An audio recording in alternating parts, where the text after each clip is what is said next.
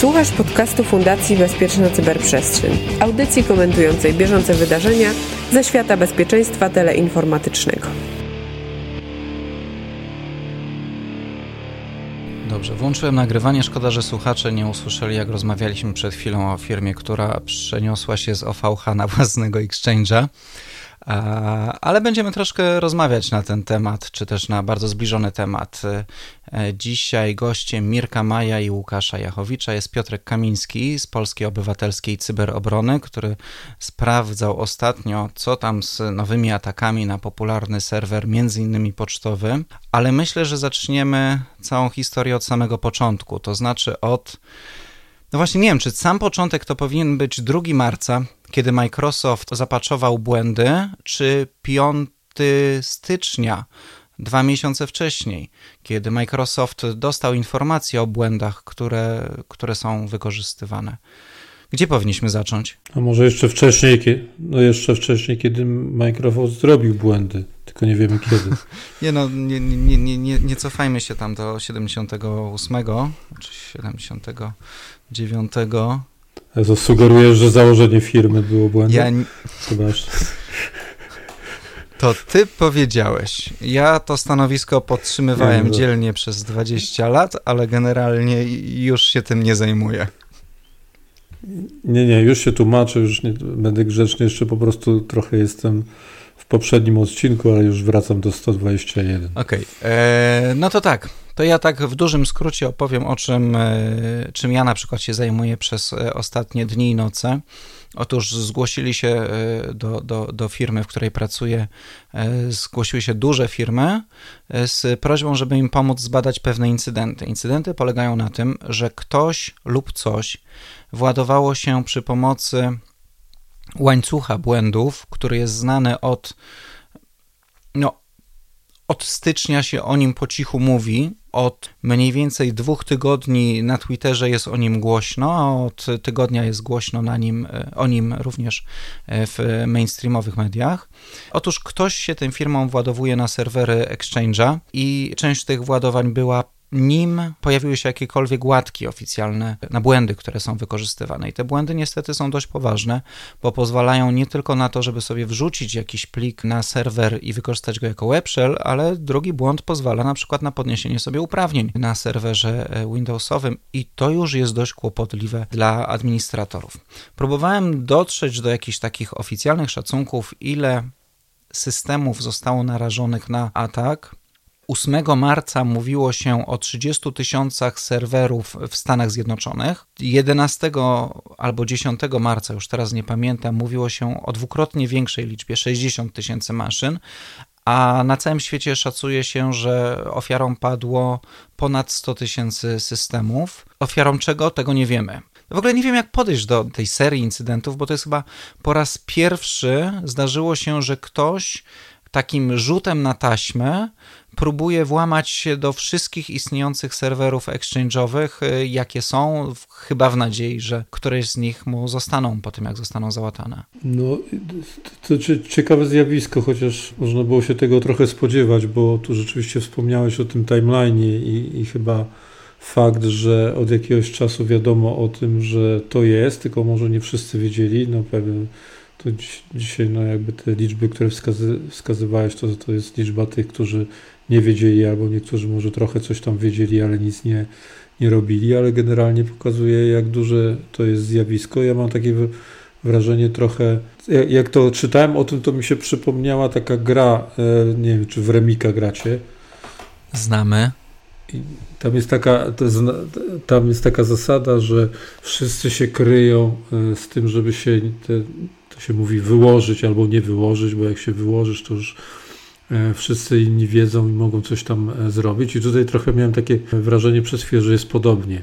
Jak ktoś już po prostu da, dał znać po prostu do ataku, to, to nagle wszyscy po prostu też się ujawnili i coraz więcej tych różnych ataków jest. I sam fakt to najbardziej chyba widać po tym, jak rozważa się tutaj tę kwestię atrybucji, tak? bo Microsoft podał na początku nową, nieznaną do tej pory grupę E, chińską, która się nazywa Hafnium, a nagle tutaj po prostu się posypały i chyba z 10 kolejnych, już raczej znanych grup APT e, się pojawiło. No w każdym razie nagle tego pełno się pojawiło i to znowuż chyba taka, taka sytuacja, w której wszyscy się kryli, no ale jak już widać, że za chwilę może być po wszystkim, to znaczy nie, już nie będzie tych do schakowania i będzie trzeba odbijać, bo to też swoją drogą tak często bywa, e, no to, no to wszyscy wzięli się poważnie do, do roboty, no bo jest e, o, o co walczyć, tak mówiąc przewrotnie, trochę złośliwie, ponieważ no, do, mamy tutaj, mówimy o dostępie do niezwykle istotnych elementów infrastruktury. Bardzo wielu firm i to często e, dużych korporacji i bardzo dużych organizmów, pod, dużych podmiotów. I można sobie wyobrazić, że dostęp do serwerów Exchange'a to jest po prostu cała kopalnia złota w wielu przypadkach to jest e, nie tylko dostęp do serweru Exchange'a, bo kiedy już wejdziemy na te serwery, to sobie możemy je wykorzystać dalej. Nawet jeżeli na nich nic ciekawego nie znaleźliśmy, to włamywacz nie tylko jest w stanie ściągnąć pocztę, e, ale też de facto wykonywać dowolne polecenia z uprawnieniami e, i, tak, i może tak. przekształcić te mniej interesujące serwery Exchange'a na przykład na elementy mm, botnetu. Może wykorzystywać je jako hosty przesiadkowe do ataku dalej. Także nawet jeżeli gdzieś pod waszą waszymi skrzydłami jest serwer Exchange'a dawno nieaktualizowany i nie używacie go, to i tak warto go albo wyłączyć, albo załatać, bo jakby coś, to szukający przestępców trafią do was a nie do przestępców. Także łatajcie się pilnie, e, bo to jest teraz ten, ten moment, kiedy to się dzieje. Zwłaszcza, że jeszcze dwa dni temu to mówiliśmy o 10 grupach APT, a od e, wczoraj, nagrywamy ten podcast 11 marca w czwartek, e, od wczoraj na GitHubie w ogóle obserwuję ciekawe zjawisko, mianowicie jest taka gra troszkę w kotka i myszkę, bo ktoś publikuje exploit pozwalający na wykorzystanie tego ciągu podatności w exchange'u. Exploit jest skasowany, ktoś innego publikuje, e, exploit skasowany. Mam w, w zbiorach już dwie wersje tego exploitu, na WebArchive.org w kopii githubowej strony już nieistniejącej jest jakaś trzecia wersja tego exploitu, także, także w tej chwili ten exploit już jest poza gronem wtajemniczonych i każdy może mieć do niego dostęp i każdy może nabroić w sposób bardzo nieprzyjemny. Tak, jeszcze oczywiście te wszystkie serwery mogą być wykorzystane też do wysyłania maili i atakowania innych e, firm, które współpracują z firmami, które zostały zaatakowane, więc to nawet nie chodzi o to, żeby bronić własną firmę, ale też o swoich klientów. No jest to prawda, to nie chodzi tylko o klientów e, takich, że możemy mieć ich dane, tylko, tylko to jest jeden z klasycznych e, ataków Business Email Compromise, taka ładna nazwa jednej z odmian phishingu, kiedy wykorzystując e, przechwycone konto, po, podszywamy się pod partnera biznesowego czyjegoś, mamy wgląd w pełną historię korespondencji, więc wiemy w jakim stylu się z kimś komunikujemy. E, możemy przejąć tę korespondencję i na przykład zmienić sobie numer konta do przelania dużych płatności. Na takich rzeczach przejechały się niektóre polskie miasta i to jest niestety dosyć niebezpieczne. No właśnie wspomniałem o polskich miastach. Piotrze, bo ty chyba zrobiłeś taki research dotyczący tego, jak wygląda odporność Polski na nową serię ataków. Tak, e, tutaj w grupie pod e, skanujemy no, oczywiście monitorujemy e, polską cyberprzestrzeń. Oczywiście zaczęliśmy skanować. No i na razie jest ogólnie 300 hostów, 300 exchange'ów, które są nadal podatne na te ataki.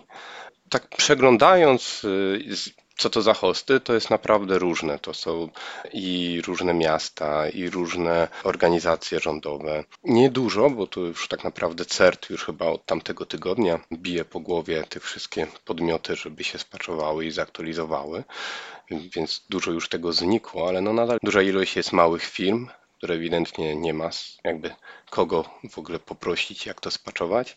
No ale też są duże, duże firmy.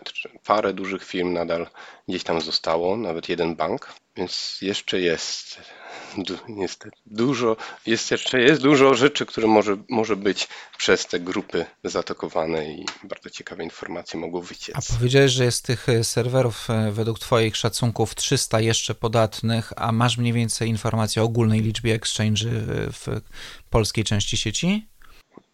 E, chyba ogólna, oj, wiesz co, ogólnie to było chyba ponad 1000, 1500 chyba. Czyli co piąty nadal jest podatny. Można by tak powiedzieć. Że tak, że no tak, tak, tak, około tysiąca, zaraz tu zobaczę, minus. E. 1215 było ogólnie tych exchange'ów udostępnionych, więc dużo zostało spaczowane, ale nadal, nadal jest. A jak od, od jak dawna e, robisz na bieżąco badanie? Bo zastanawiam się, jakie jest tempo paczowania maszyn. Znaczy, myślę, że w tamtym tygodniu Shodan sam zaczął, jak Shodan zaczął e, wykrywać e, tą podatność, już oznaczać podatne hosty, no to było tak gdzieś z 500, 500 ileś hostów, tak gdzieś na końcu, no, można powiedzieć na końcu tamtego tygodnia, mhm. więc no teraz jest 300, więc no idzie to tak. Teraz, nie, ale oczywiście problem będzie teraz z tymi właśnie małymi firmami, które nawet, no, one nie, nie mają nawet pro, do kogo się pewnie zgłosić. Ktoś im to postawił i zapomniał o tym.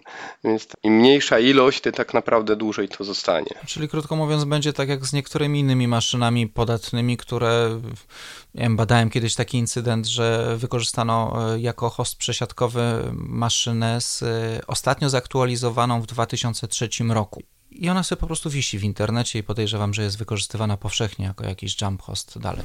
A to ciekawy problem tutaj poruszyliście, e, bo rzeczywiście e, to tak jak Piotrek mówi, to może być problem zaraz z tymi małymi e, firmami bo ja nawet bym powiedział, że nie tylko nie mają do kogo się zgłosić, ale również to może być takie zjawisko, że one w ogóle do nich ta informacja nie dotrze. No, w, w Stanach y, jest tak, że w Stanach y, wyszedł y, bardzo ważny człowiek, którego imię sobie zaraz przypomnę, a już wiem, doradca do spraw bezpieczeństwa narodowego Jake Sullivan oficjalnie informował o tym, że trzeba patchować e, exchange. Ja nie do końca słyszałem jakiegoś nie wiem, polskiego ministra odpowiedzialnego za bezpieczeństwo, żeby nawoływał do, do łatania tych serwerów, a ktoś taki by się przydał.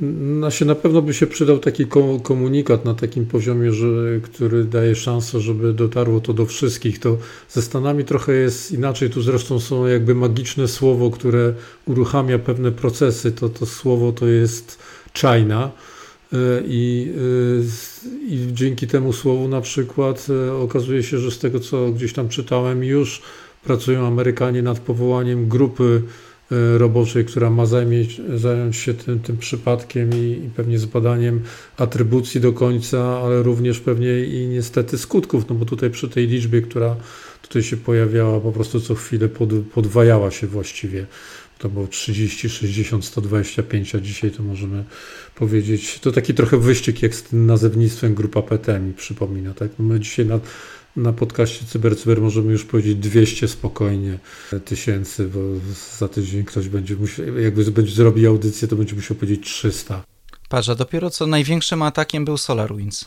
No właśnie. Widziałem gdzieś fragment, nie wiem czy to była konferencja prasowa Rzecznika Białego Domu, jakiejś pani, która, e, no co prawda przeczytała, e, miała takie pytanie z któregoś z dziennikarzy, ale no, no ja zawsze twierdzę, że, że to jest jednak profesjonalizm, bo pamiętam też takie przypadki jeszcze za, za premiera Camerona, w Wielkiej Brytanii, którym on, no zresztą kontrowersyjny, tak, bo tam pamiętamy, były kiedyś takie kwestie związane z szyfrowaniem, ale ten człowiek był po prostu, jak mówił na ten temat, to był zbriefowany wyraźnie, po prostu profesjonalnie i, e, no i po prostu to brzmiało, brzmiało porządnie. I ta pani tutaj też przeczytała o tym, że to jest jakby tam ważne, ale, ale używa kilku, e, kilku jakby branżowych e, słów. No i, i to jest sytuacja, w której jest szansa, że taki komunikat dotrze do tych, którzy powinni się tym zainteresować, bo oni po prostu, no jak teraz wrócimy na nasze podwórko, no to e, w dużych firmach to popularne serwisy są śledzone, ale w małych firmach są nieśledzone i po prostu i żadne komunikaty, czy z CERT-u rządowego, z CERT-u naskowego czy, czy z, z, wojskowego po prostu do nich nie, do, no nie poczekaj, dotrą. poczekaj, no jakie komunikaty? Ja właśnie kiedy mówisz, wchodzę tak. Najpierw na stronę e, certgov.pl gdzie mamy w dziale wiadomości, poprawki, aktualizacje, informacje o Biuletynie Bezpieczeństwa Adobe z 2017 roku oraz ćwiczenia NATO Cyber Coalition 2015. Ok, to mamy cert.gov.pl. E, cert.pl, bardzo ciekawy artykuł w ogóle, korzystałem z niego, o krytycznej podatności w SUDO z 28 stycznia i to jest najnowszy news. Ja wiem, że pewnie na Twitterze coś innego jest, ale teraz wchodzę na stronę główne, bo tam szukają ludzie, którzy nie wiedzą, gdzie szukać. Wchodzę na stronę stronę dawnego Ministerstwa Cyfryzacji, czyli teraz to się nazywa Cyfryzacja KPRM. Dowiaduje się, ile osób dostało punkty karne oraz, że jest pierwszy milion profili zaufanych w tym roku. No i jeszcze jest Urząd Ochrony Danych Osobowych, bo przecież to jest niezwykle istotna, ważna instytucja, która powinna w tej chwili mocno się interesować tym, co się dzieje, bo przecież to są, to jest, jak śledziłem, co robią grupy APT, kiedy już robią takie masowe w tej chwili atakowanie serwisów, to najczęściej jest założenie sobie webshella i często kradzież książ książki adresowej. Już pomijam kradzież poczty, bo to się rzadziej teraz zdarza. I UODO wiadomość, jak zadbać o dane osobowe podczas elekcji, e-lekcji, nie elekcji. Więc no wydaje mi się, że państwo polskie nie do końca stanęło na wysokości zadania. No to chyba rzeczywiście z tego, co słyszę, co mówisz, jest gorzej niż, e, niż przypuszczałem, także tego komuniku już w ogóle nie ma. No na pe pewnie, tak jak mówisz, na Twitterze gdzieś jest, ale to jest za mało. Tak, to, to, to ja się zgadzam tutaj, że jest za mało. Jakby były te karne punkty, tam można było sprawdzić za niezapaczowany serwer Exchange'a na stronie cyfryzacji, to byśmy przyklasnęli. A może powinny być takie punkty za niezapaczowane systemy i wtedy po prostu odbierają prawo jazdy do, e, do, do serwera www i nie można mieć strony po prostu. Pytanie do Piotra, bo wspomniałeś Piotrze, że jeden z serwerów e, niezapaczowanych należy do administracji publicznej. Nie będę cię pytał, co... To chyba nie jeden, nie jeden chyba. Tak, chyba z 30 czy tam 18. A to już nie będę pytał, bo siłą rzeczy któryś z nich musi być na pewno instytucji związanych z cyfryzacją. 13. 13 z, z domeny gov.pl. A czy któryś z tych y, podatnych serwerów jest związany z instytucją jakoś zahaczającą o bezpieczeństwo albo cyfryzację? Nie, nie będę. Nie patrzyłem tak naprawdę dokładnie, tylko. Tak ja naprawdę... to przeglądałem chyba nie, aż tak wprost nie. To tak. znaczy, tam są jakieś takie e, serwery, które no, e, żaden z nich, no nasz, można powiedzieć trochę na szczęście, no chociaż to powinno dotyczyć wszystkich tych, no ale żaden z nich tak na, na wprost nie tylko chyba nie, nie jest związany z bezpieczeństwem, ale nawet nie jest związany z instytucją, że tak powiem, z pierwszego szeregu, tak, żebyśmy mogli powiedzieć, że to jest strona ministerstwa, czy coś, to, to jest różnych agencji. Agencja wywiadu, agencja kontrwywiadu. funkcjonują. Znaczy nie, bo to CERT tutaj już e, informował wcześniej, więc naprawdę podejrzewam, że może do tego tak naprawdę informacja nie została nigdzie publicznie udostępniona, bo wszyscy, którzy się znają na rzeczy, po prostu e, reagują teraz bezpośrednio na te incydenty. Także CERT chyba wysyła na pewno do jakimś sposobem e, maile do niektórych e, osób, które, no, jeśli jest jakaś możliwość kontaktu, to na pewno wysyła maile z informacją, że twój serwer jest jakiś tam podatny i proszę go spaczować. No, generalnie taka wydaje mi się jest rola CERT-u i taka powinna być. Mi jednak ja i, i bardzo brakuje informacji, głośnych wystąpień i informacji na stronach internetowych tych instytucji, bo jednak to powinno być. Jak przyglądałem się kiedyś pracom brytyjskiej agencji odpowiedzialnej za bezpieczeństwo, to byłem zachwycony i strasznie im zazdrościłem. W sumie ciekawe, jak oni sobie teraz radzą z tym, to, to jeszcze nie sprawdzałem, czy informują. No, tu, tu w moim przypadku z, z, z, potwierdziła się stara prawda że dobrym źródłem informacji o cyberbezpieczeństwie i o tym, co się dzieje, jest Twitter. Bo jak już wspomniałem na samym początku, jakieś dwa tygodnie temu na streamie Twitterowym e, moim już na tyle intensywnie ludzie zaczynali żartować o konieczności wymiany i aktualizacji Exchange, że wiadomo było, że coś się pod tym kryje, a instytucje publiczne, no odpowiedzialne za nasze bezpieczeństwo, no niestety na Twitterze działały niepublicznie. To jest rzeczywiście istotna rzecz do zmiany.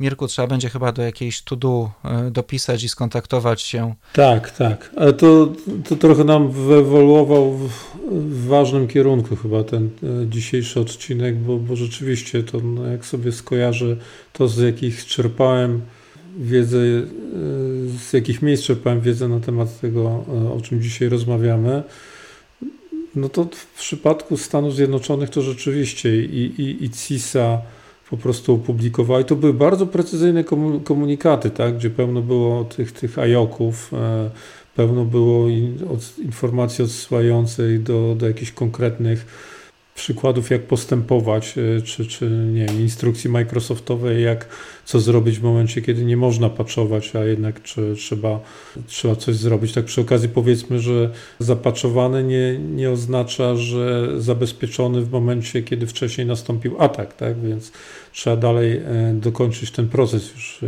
jeżeli wracamy do tego, do tego wątku po prostu poradzenia, co, co robić, bo, bo może być tak, że ktoś po prostu miał jakiś kłopot, później sobie zapaczował i myśli, że już jest po wszystkim, a to niestety e, akurat w tym przypadku tak, e, tak nie jest. To, więc rzeczywiście tutaj jakby wyewoluowało nam w dobrym kierunku i, i, I, być może tu powinny standardy jakieś dotyczące, bo ja stawiam, że taki, w takim scoringu CVSS, tak, czyli, czyli Common Vulnerability Security Scoring chyba tak to się na, nazywa, e, no to to jest bardzo wysoko musi być e, ta podatność, to na maks, no to jest 10 na 10 najprawdopodobniej.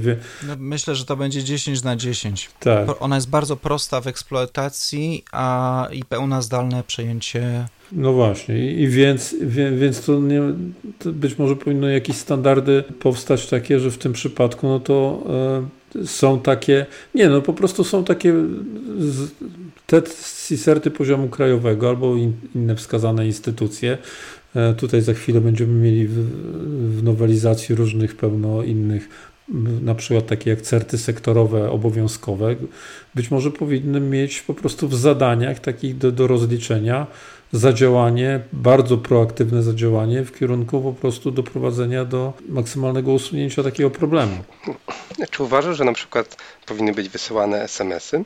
Na się tu z SMS-ami to bym trochę, ja wiem, że tu troszeczkę popsuty został ten, pewnie myślicie o tych SMS-ach z RCB, tak? No to one jednak e, już tam e, spuszczając e, jakby... No nie, no nie, RCB to przez przesada. Na, na to, co się, co, się dzia, co się działo, no to, e, no to jednak tam jest do, do, do obywateli, do wszystkich. Jakby, jakbyśmy puścili taką informację o tym, to być może niektórzy by w depresję jakąś wpadli, bo już kompletnie by nie wiedzieli o co chodzi. E, natomiast być może to jest dobry pomysł, e, że taki dedykowany system alertowania SMS-owego w oparciu o osoby wyznaczone zgodnie z Krajowym Systemem Cyberbezpieczeństwa do, jako przedstawiciele po prostu poszczególnych podmiotów, e, no, powinny po prostu otrzymywać takie, takie SMS-y. I to jest może fajny pomysł, tak? Bo, a, żeby było jasne, jeszcze jedno, jedno zdanie tylko, to tutaj padają przynajmniej te pomysły, które, które rozmawiają, to moim zdaniem to nie są pomysły do wpisania w ustawę, ale, ale to są myślę, że nie najgorsze pomysły do tego, żeby po prostu w praktykę wdrożyć na, na, na poziomie ustaleń, zaleceń, które no, na przykład pełnomocnik, yy, pełnomocnik do spraw cyberbezpieczeństwa, pełnomocnik rządu do spraw cyberbezpieczeństwa, myślę, że jak najbardziej jest władny yy, egzekwować. Czy w przypadku państwowych instytucji jasne, ale w przypadku e, prywatnych to kiedyś to działało dobrze. Jeżeli ktoś zauważał problem, to nie jest e, jakimś wielkim kłopotem stwierdzenie, gdzie, w czyjej serwerowni dana maszyna stoi i dawało się po prostu znać, hej, u was stoi maszyna, która jest podatna. Tylko musi być ktoś, kto to zrobi. I musi być dalej w tych serwerowniach procedura informowania właściciela serwera o o, o kłopocie. I w przypadku tak podatnych, tak istotnych problemów, wydaje mi się, że, że powinna być jakaś przyspieszona procedura. Znaczy tutaj mm, to, kiedyś też nie było tak ten. Ja pamiętam, że jeden hosting e, miał oczywiście z e, maila, gdzie CERT mógł wysyłać, no i oczywiście inne e, podmioty mogły wysyłać e, jakieś alerty, no ale było ich tak dużo, że oni po prostu zrobili automatyczną odpowiedź, że proszę tam każdego zrobić jakiś formularz wypełnić do tego. Oczywiście ten formularz był po polsku i zupełnie nieczytelny, więc e, dużo, no nie dużo, no pewne firmy też są takie, które po prostu ignorują pewne e, alerty i też trudno czasami do nich dojść, więc Myślę, że ścieżka taka bardziej prawna, bardziej mm, prosta też by się przydała. No, ale pamiętajmy też, no bo no się pamiętajmy o tym, że nie da się czegoś takiego zrobić, że wszyscy skutecznie będą poinformowani, wszyscy zrobią to, co sobie wyobrażamy, chcielibyśmy, żeby zrobili. Tego ale to nie oznacza też, że nie trzeba podejmować wysiłków. No jeszcze jedna uwaga taka no, natury formalnej. No nie, nie wszyscy, jakbyśmy pewnie prześledzili tę listę, o której e, e, Piotrek wspominał i, i, w wyniku badania właśnie Polskiej Obywatelskiej Cyberobrony, no to stawiam, że mimo wszystko no, znacząca większość tych podmiotów, która tam jest właścicielem tych systemów, to nie są podmioty, które są operatorami usług kluczowych i które podlegają pod e, ustawę o Krajowym Systemie Cyberbezpieczeństwa. Więc to też trzeba sobie zdać sprawę. Natomiast problem polega na tym, że, że e, już na pewno większa grupa jest z nich w jakiś sposób połączona poprzez na przykład łańcuch dostaw do, e, z takimi podmiotami. I tutaj jakby nie mam wątpliwości, że, że jakby prześledzić po prostu te, te powiązania i relacje pomiędzy tymi firmami, gdzie pod, ta podatność występuje, a operatorami usług kluczowych, no to już by nam się lista e, poszerzyła. I to jest też e, ważne, ale tutaj znowuż jest jakby to postulat jednak do tych świadomych o, o uków czy operatorów usług kluczowych, żeby bardzo aktywnie patrzyli na swój cały ekosystem i na to, że nie tylko bezpieczeństwo ich zależy nie tylko od ich własnych serwerów, ale również od serwerów kluczowych dostawców. Ja jeszcze tylko zwrócę uwagę na to, że mm, warto pamiętać o tym, że jak podpinamy jakąś maszynę do internetu, to starajmy się nie podpinać gołej maszyny, tylko są już gotowe automaty, nawet jeżeli się na nich nie do końca znamy, to one są gotowe, takie komercyjne, e, które mają na bieżąco aktualizowane regułki jary i mm, odcinają ruch, który jest y, podejrzany. I tutaj e, część tego, część tych e, włamań nie zakończyłaby się sukcesem, ponieważ e, nastąpiły już po tym, kiedy o atakach wiadomo było i te takie popularne systemy blokujące podejrzany ruch już dawno zostały zaktualizowane to, to też mnie właśnie zaskoczyło, kiedy tak analizowałem, co się dzieje w internecie, że ludzie ciągle podłączają gołe, niezaktualizowane i nie chronione niczym komputery tak po prostu bezpośrednio do internetu, bo przecież skoro to jest serwer pocztowy, to musi być wpięty bezpośrednio do internetu. No a jednak nie. Tutaj mm, właśnie też mamy mm, jako pod co mamy właśnie szkolenia prowadzimy dla ministerstwa e, i też właśnie bardzo staramy się pokazywać, jak e, dużo rzeczy, e, co podłączamy, jak od razu wyskakuje w różnych właśnie wyszukiwarkach i jak informacje można wyciągnąć. Więc tutaj całkowicie się z Tobą zgodzę. Nie każdy sobie wejdzie na Shodana lub wyszuk i zobaczy, jak, jak dużo ciekawych rzeczy można znaleźć właśnie. Dokładnie. Mirek, ty wspomniałeś o tym, że zapatrujemy serwer i to niekoniecznie jest koniec historii, bo przecież włamywacz mógł nas odwiedzić wcześniej. Biorąc pod uwagę skalę ataku, to jest całkiem spore prawdopodobieństwo, że odwiedził nas wcześniej.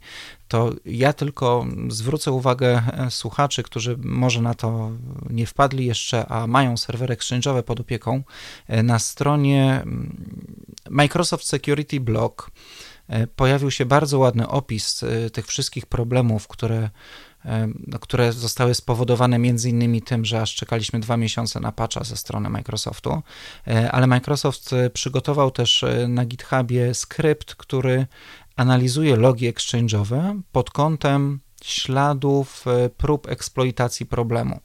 I warto, jeżeli ktoś ma Exchange'a pod opieką, uruchomić te skrypty, żeby E, sobie sprawdzić, czy się jest prawdopodobnie bezpiecznym, czy ma się 100% pewności, że ktoś wjechał e, na nasz serwer. A kiedy ktoś wjechał na nasz serwer, to niestety powinny wejść w życie te wszystkie procedury, e, które są związane z badaniem incydentu oraz potencjalnym poinformowaniem Urzędu Ochrony Danych Osobowych. I, I też przypomnijmy, że za e, utratę danych może grozić kara, za niepoinformowanie urzędu o ryzyku utraty danych na pewno jest kara. No, jak już mówisz o skryptach, to warto też powiedzieć, że taki skrypt przygotował też CERT Łotewski. O, to tego nie widziałem. Jest na GitHubie dostępny, na GitHubie cert.lv i który też pomaga w zidentyfikowaniu, czy mamy, e, czy mamy kłopot, tak, czyli o, rzeczywiście, wchodzę na cert.lv i jest wielka w ramce informacja o e, ataku na, e, Server Exchange. No po prostu musimy się uczyć Łotewskiego Łotewski i nie będzie problemu. Prosty. Narzekasz, Łukasz, a to... No oczywiście, no. Przecież to jest niedaleko Polski. Ja zawsze twierdziłem, że tam dom twój, gdzie e, Wi-Fi telefonu ci się łączy z e, internetem bez pytania o zdanie i u mnie jest tak, że jak przechodzę przez centrum Rygi, to się wpina Wi-Fi w różne miejsca. Ale tak, rzeczywiście jest detektor e, na, na GitHubie Łotewskim. Mam nadzieję, że polski CERT chociaż podlinkuje do tego któregoś z tych skryptów, bo to jest ważna rzecz na przyszłość kiedy już e, się połatamy. E, I e, nie wiem, bo tak powoli kończymy, ale wydaje mi się, że, że powinniśmy też krótko powiedzieć, czym charakteryzuje się większość tych ataków i co robią atakujący, bo w sumie tak sobie rozmawiamy o tym ataku, zakładając tak samo jak polskie instytucje odpowiedzialne za bezpieczeństwo, że wszyscy wiedzą o czym mówimy. A, a tak naprawdę jeszcze nie do końca wiadomo, co, co ci atakujący robią. Ktoś chce opowiedzieć o kwestii części technicznej, czy, Myślę, że tutaj e, ty najbardziej tutaj jesteś, trzymasz e, rękę na pulsie.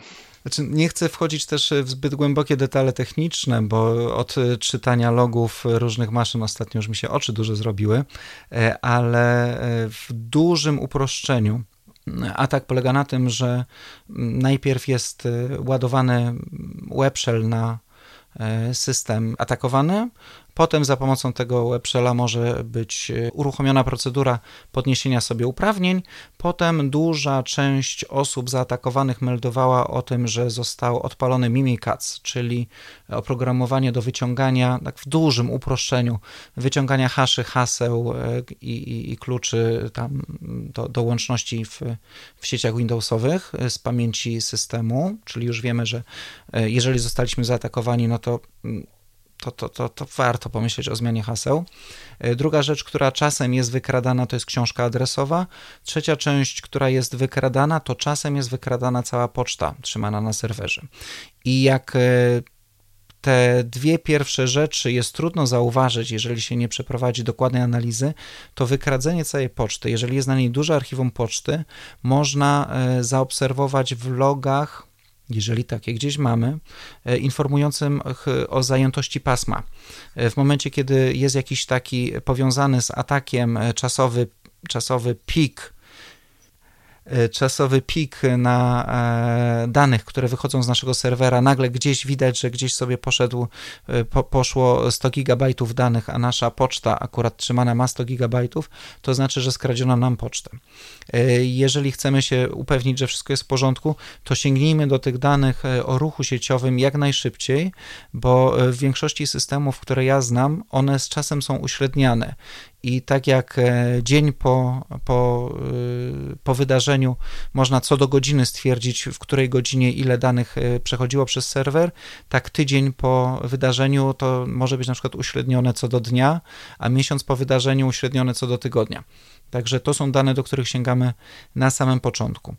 Jeżeli Wydaje mi się, że ci większość atakujących z tej drugiej fali to byli atakujący po to, żeby y, w ostatniej chwili rzutem na taśmę zdobyć jak najwięcej przyczółków do dalszej ekspansji, e, w nadziei na to, że zostaną niezauważeni, bo y, najpierw e, te podatności były wykorzystywane w jakichś bardzo sprofilowanych atakach i tam podejrzewam były wykorzystane do tego, żeby wejść w głąb sieci i ją dokładnie spenetrować.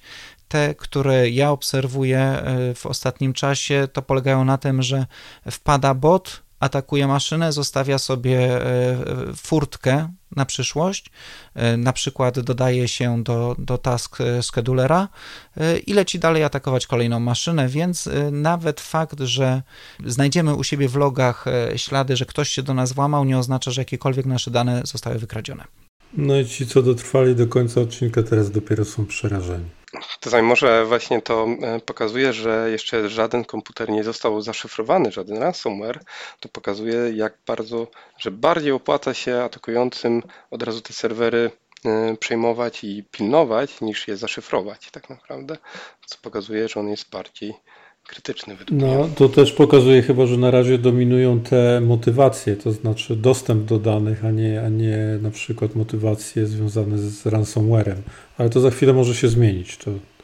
Ja moim zdaniem to się bardzo szybko zmieni, bo jak 2-3 dni temu można było nie będąc celem ataku, czyli nie mając po prostu w logach połowy informacji, e, to z opisów e, problemów, opisów błędów można było sobie, jeżeli ktoś e, ma umiejętność podstawowego składania jeden do jednego, dodawania oraz pisania prostych programów, dało się napisać samodzielnie exploit do tego problemu, do tego wykorzystujący te błędy, ale tak jak wspomniałem, od kilkunastu, kilkudziesięciu godzin gotowe exploity już krążą po sieci, mimo że Microsoft próbuje je ocenzurować.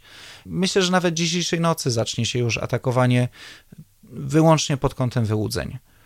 No, w momencie, kiedy nasi słuchacze dostaną ten odcinek podcastu, to oni będą mogli stwierdzić, czy mam rację, czy nie, bo to już będzie za kilka godzin. Zadziwiająco, zadziwiająco Łukasz, dobrze jesteś poinformowany. Słuchajcie, ja kończę, bo zaraz mi dyżur się zacznie przy klawiaturze przynajmniej już nie będziemy. Jak zaczną szyfrować te komputery, to przynajmniej już nie będziemy.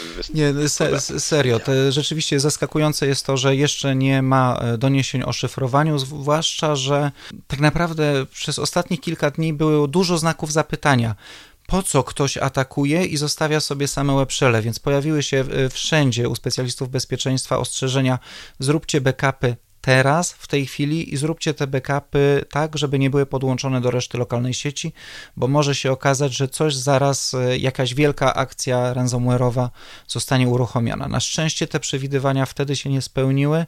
Trzymam kciuki, żeby moje przewidywania były równie y, trafne. No ale wielu zaczęło chyba robić te backupy, że na tyle rozgrzali e, serwery. Z tym webshellami. Że, no właśnie, ale to o tym będzie chyba w, w jednym z następnych odcinków, bo to ciekawy przypadek. E, nie, nie chcę żartować, bo to przykra sprawa, no ale. To, to jest bardzo przykra sprawa, ale też pokazuje, że nawiązujemy teraz do pożarów e, serwerowni OVH, e, który miał miejsce wczoraj. Dużo serwerów spłonęło. Wydaje mi się, że jedna trzecia serwerów w jednej z 32 serwerowni OVH jest fizycznie zniszczona. I tak się zastanawiałem, e, to, to czułem dyskusję w internecie nawet na ten temat, bo ktoś mówił, że przecież skoro ma ten hosting wykupiony, to hostingodawca powinien e, zapewniać offsite'owy backup. E, I moje zdanie jest takie, owszem, jeżeli się za to zapłaci bo y, zauważyłem, że ludzie próbują sobie kupić hosting za 8 zł plus VAT miesięcznie, y, za to mają 100 GB danych do przechowywania, jakieś tam duże, du, duże parametry tego serwera, a jednocześnie zaczynają narzekać, że nie ma dodatkowych backupów, nie ma y, redundancji, kiedy łącza i tak dalej. No, generalnie, jeżeli chcemy być bezpieczni, jeżeli na danych nam zależy, to nie kupujmy najtańszego hostingu, tylko wykupmy usługę, która e, robi backupy i rozdziela je na różne fizyczne lokalizacje. Czy popsułem kolejny odcinek? Tak, i to bez różnicy. I to tak naprawdę te backupy bez różnicy, czy to mamy w Microsoftie, czy gdzie no, backupujmy zawsze. Myślę, że w najlepszej sytuacji są ci, którzy chociaż nie wykupili usługi backupów OVH i mieli to tylko w jednym miejscu, to pamiętali o tym, że backupy również zrzuca się gdzieś lokalnie, żeby mieć na wypadek, gdyby coś się stało hosting providerowi. Tak. Zasada 3-2-1, tak? Nie każdy ją zna. A, to przy... przechowuj trzy kopie repliki danych, wykorzystaj co najmniej dwie technologie i zastanów się nad przechowaniem danych e, w jednej lokalizacji wyniesionej z danej. I to jest bardzo słuszna koncepcja. Głównymi danymi bo wtedy jesteśmy bezpieczni i wtedy nawet jeżeli, znaczy, no, ja ciągle widzę ludzie, przepraszam, ludzie robiący backupy y, serwera na tym samym serwerze, po prostu sobie tarują dysk, y, tarują katalog var www, tarują katalog z bazą danych i po prostu wrzucają go do katalogu var y, backup. No nie, tak się nie robi, bo błędy się zdarzają wszędzie i nie tylko OVH, Amazon też miał problemy ze swoimi serwerowniami. Zdarza się. Zdarza się nawet najbardziej, yy, największym. Nie powiem najlepszym, ale na zdarza się nawet największym. To co, ja miałem przygotowaną jeszcze ciekawostkę, ale zostawię ją już na kolejny odcinek, bo e, z naszego 30-minutowego odcinka znowu nam się trochę rozgadaliśmy. E, rzeczy, które mam nadzieję nasi słuchacze wyniosą, to są takie, jeżeli masz Exchange'a i jeszcze go nie, zbaka- nie z, zaktualizowałeś, koniecznie go odłącz od sieci, zaktualizuj, zbadaj, czy nie ma śladów włamania i dopiero potem podłącz je ponownie do sieci, najlepiej z jakimś dodatkowym systemem monitorującym, blokującym. E, jeżeli robisz backupy, bardzo dobrze, robię również offsite'owo i jeżeli e, słuchasz podcastu CyberCyber, włącz go również za tydzień, kiedy druga ekipa będzie prezentować 122 odcinek. Jeszcze nie wiemy o czym. A my tymczasem kończymy odcinek 121. Bardzo dziękujemy. E, żegnają Was Mirek Majk z Fundacji Bezpieczna Cyberprzestrzeń, Piotrek Kamiński z Polskiej Obywatelskiej Cyberobrony. W ogóle to jest niesamowite, bo dopiero co słyszeliśmy się z Pocem, a, a już, już drugi raz w ciągu niespełna miesiąca. I mówiący te słowa Łukasz Jachowicz. Dzięki i do usłyszenia. Cześć. Dzięki, cześć.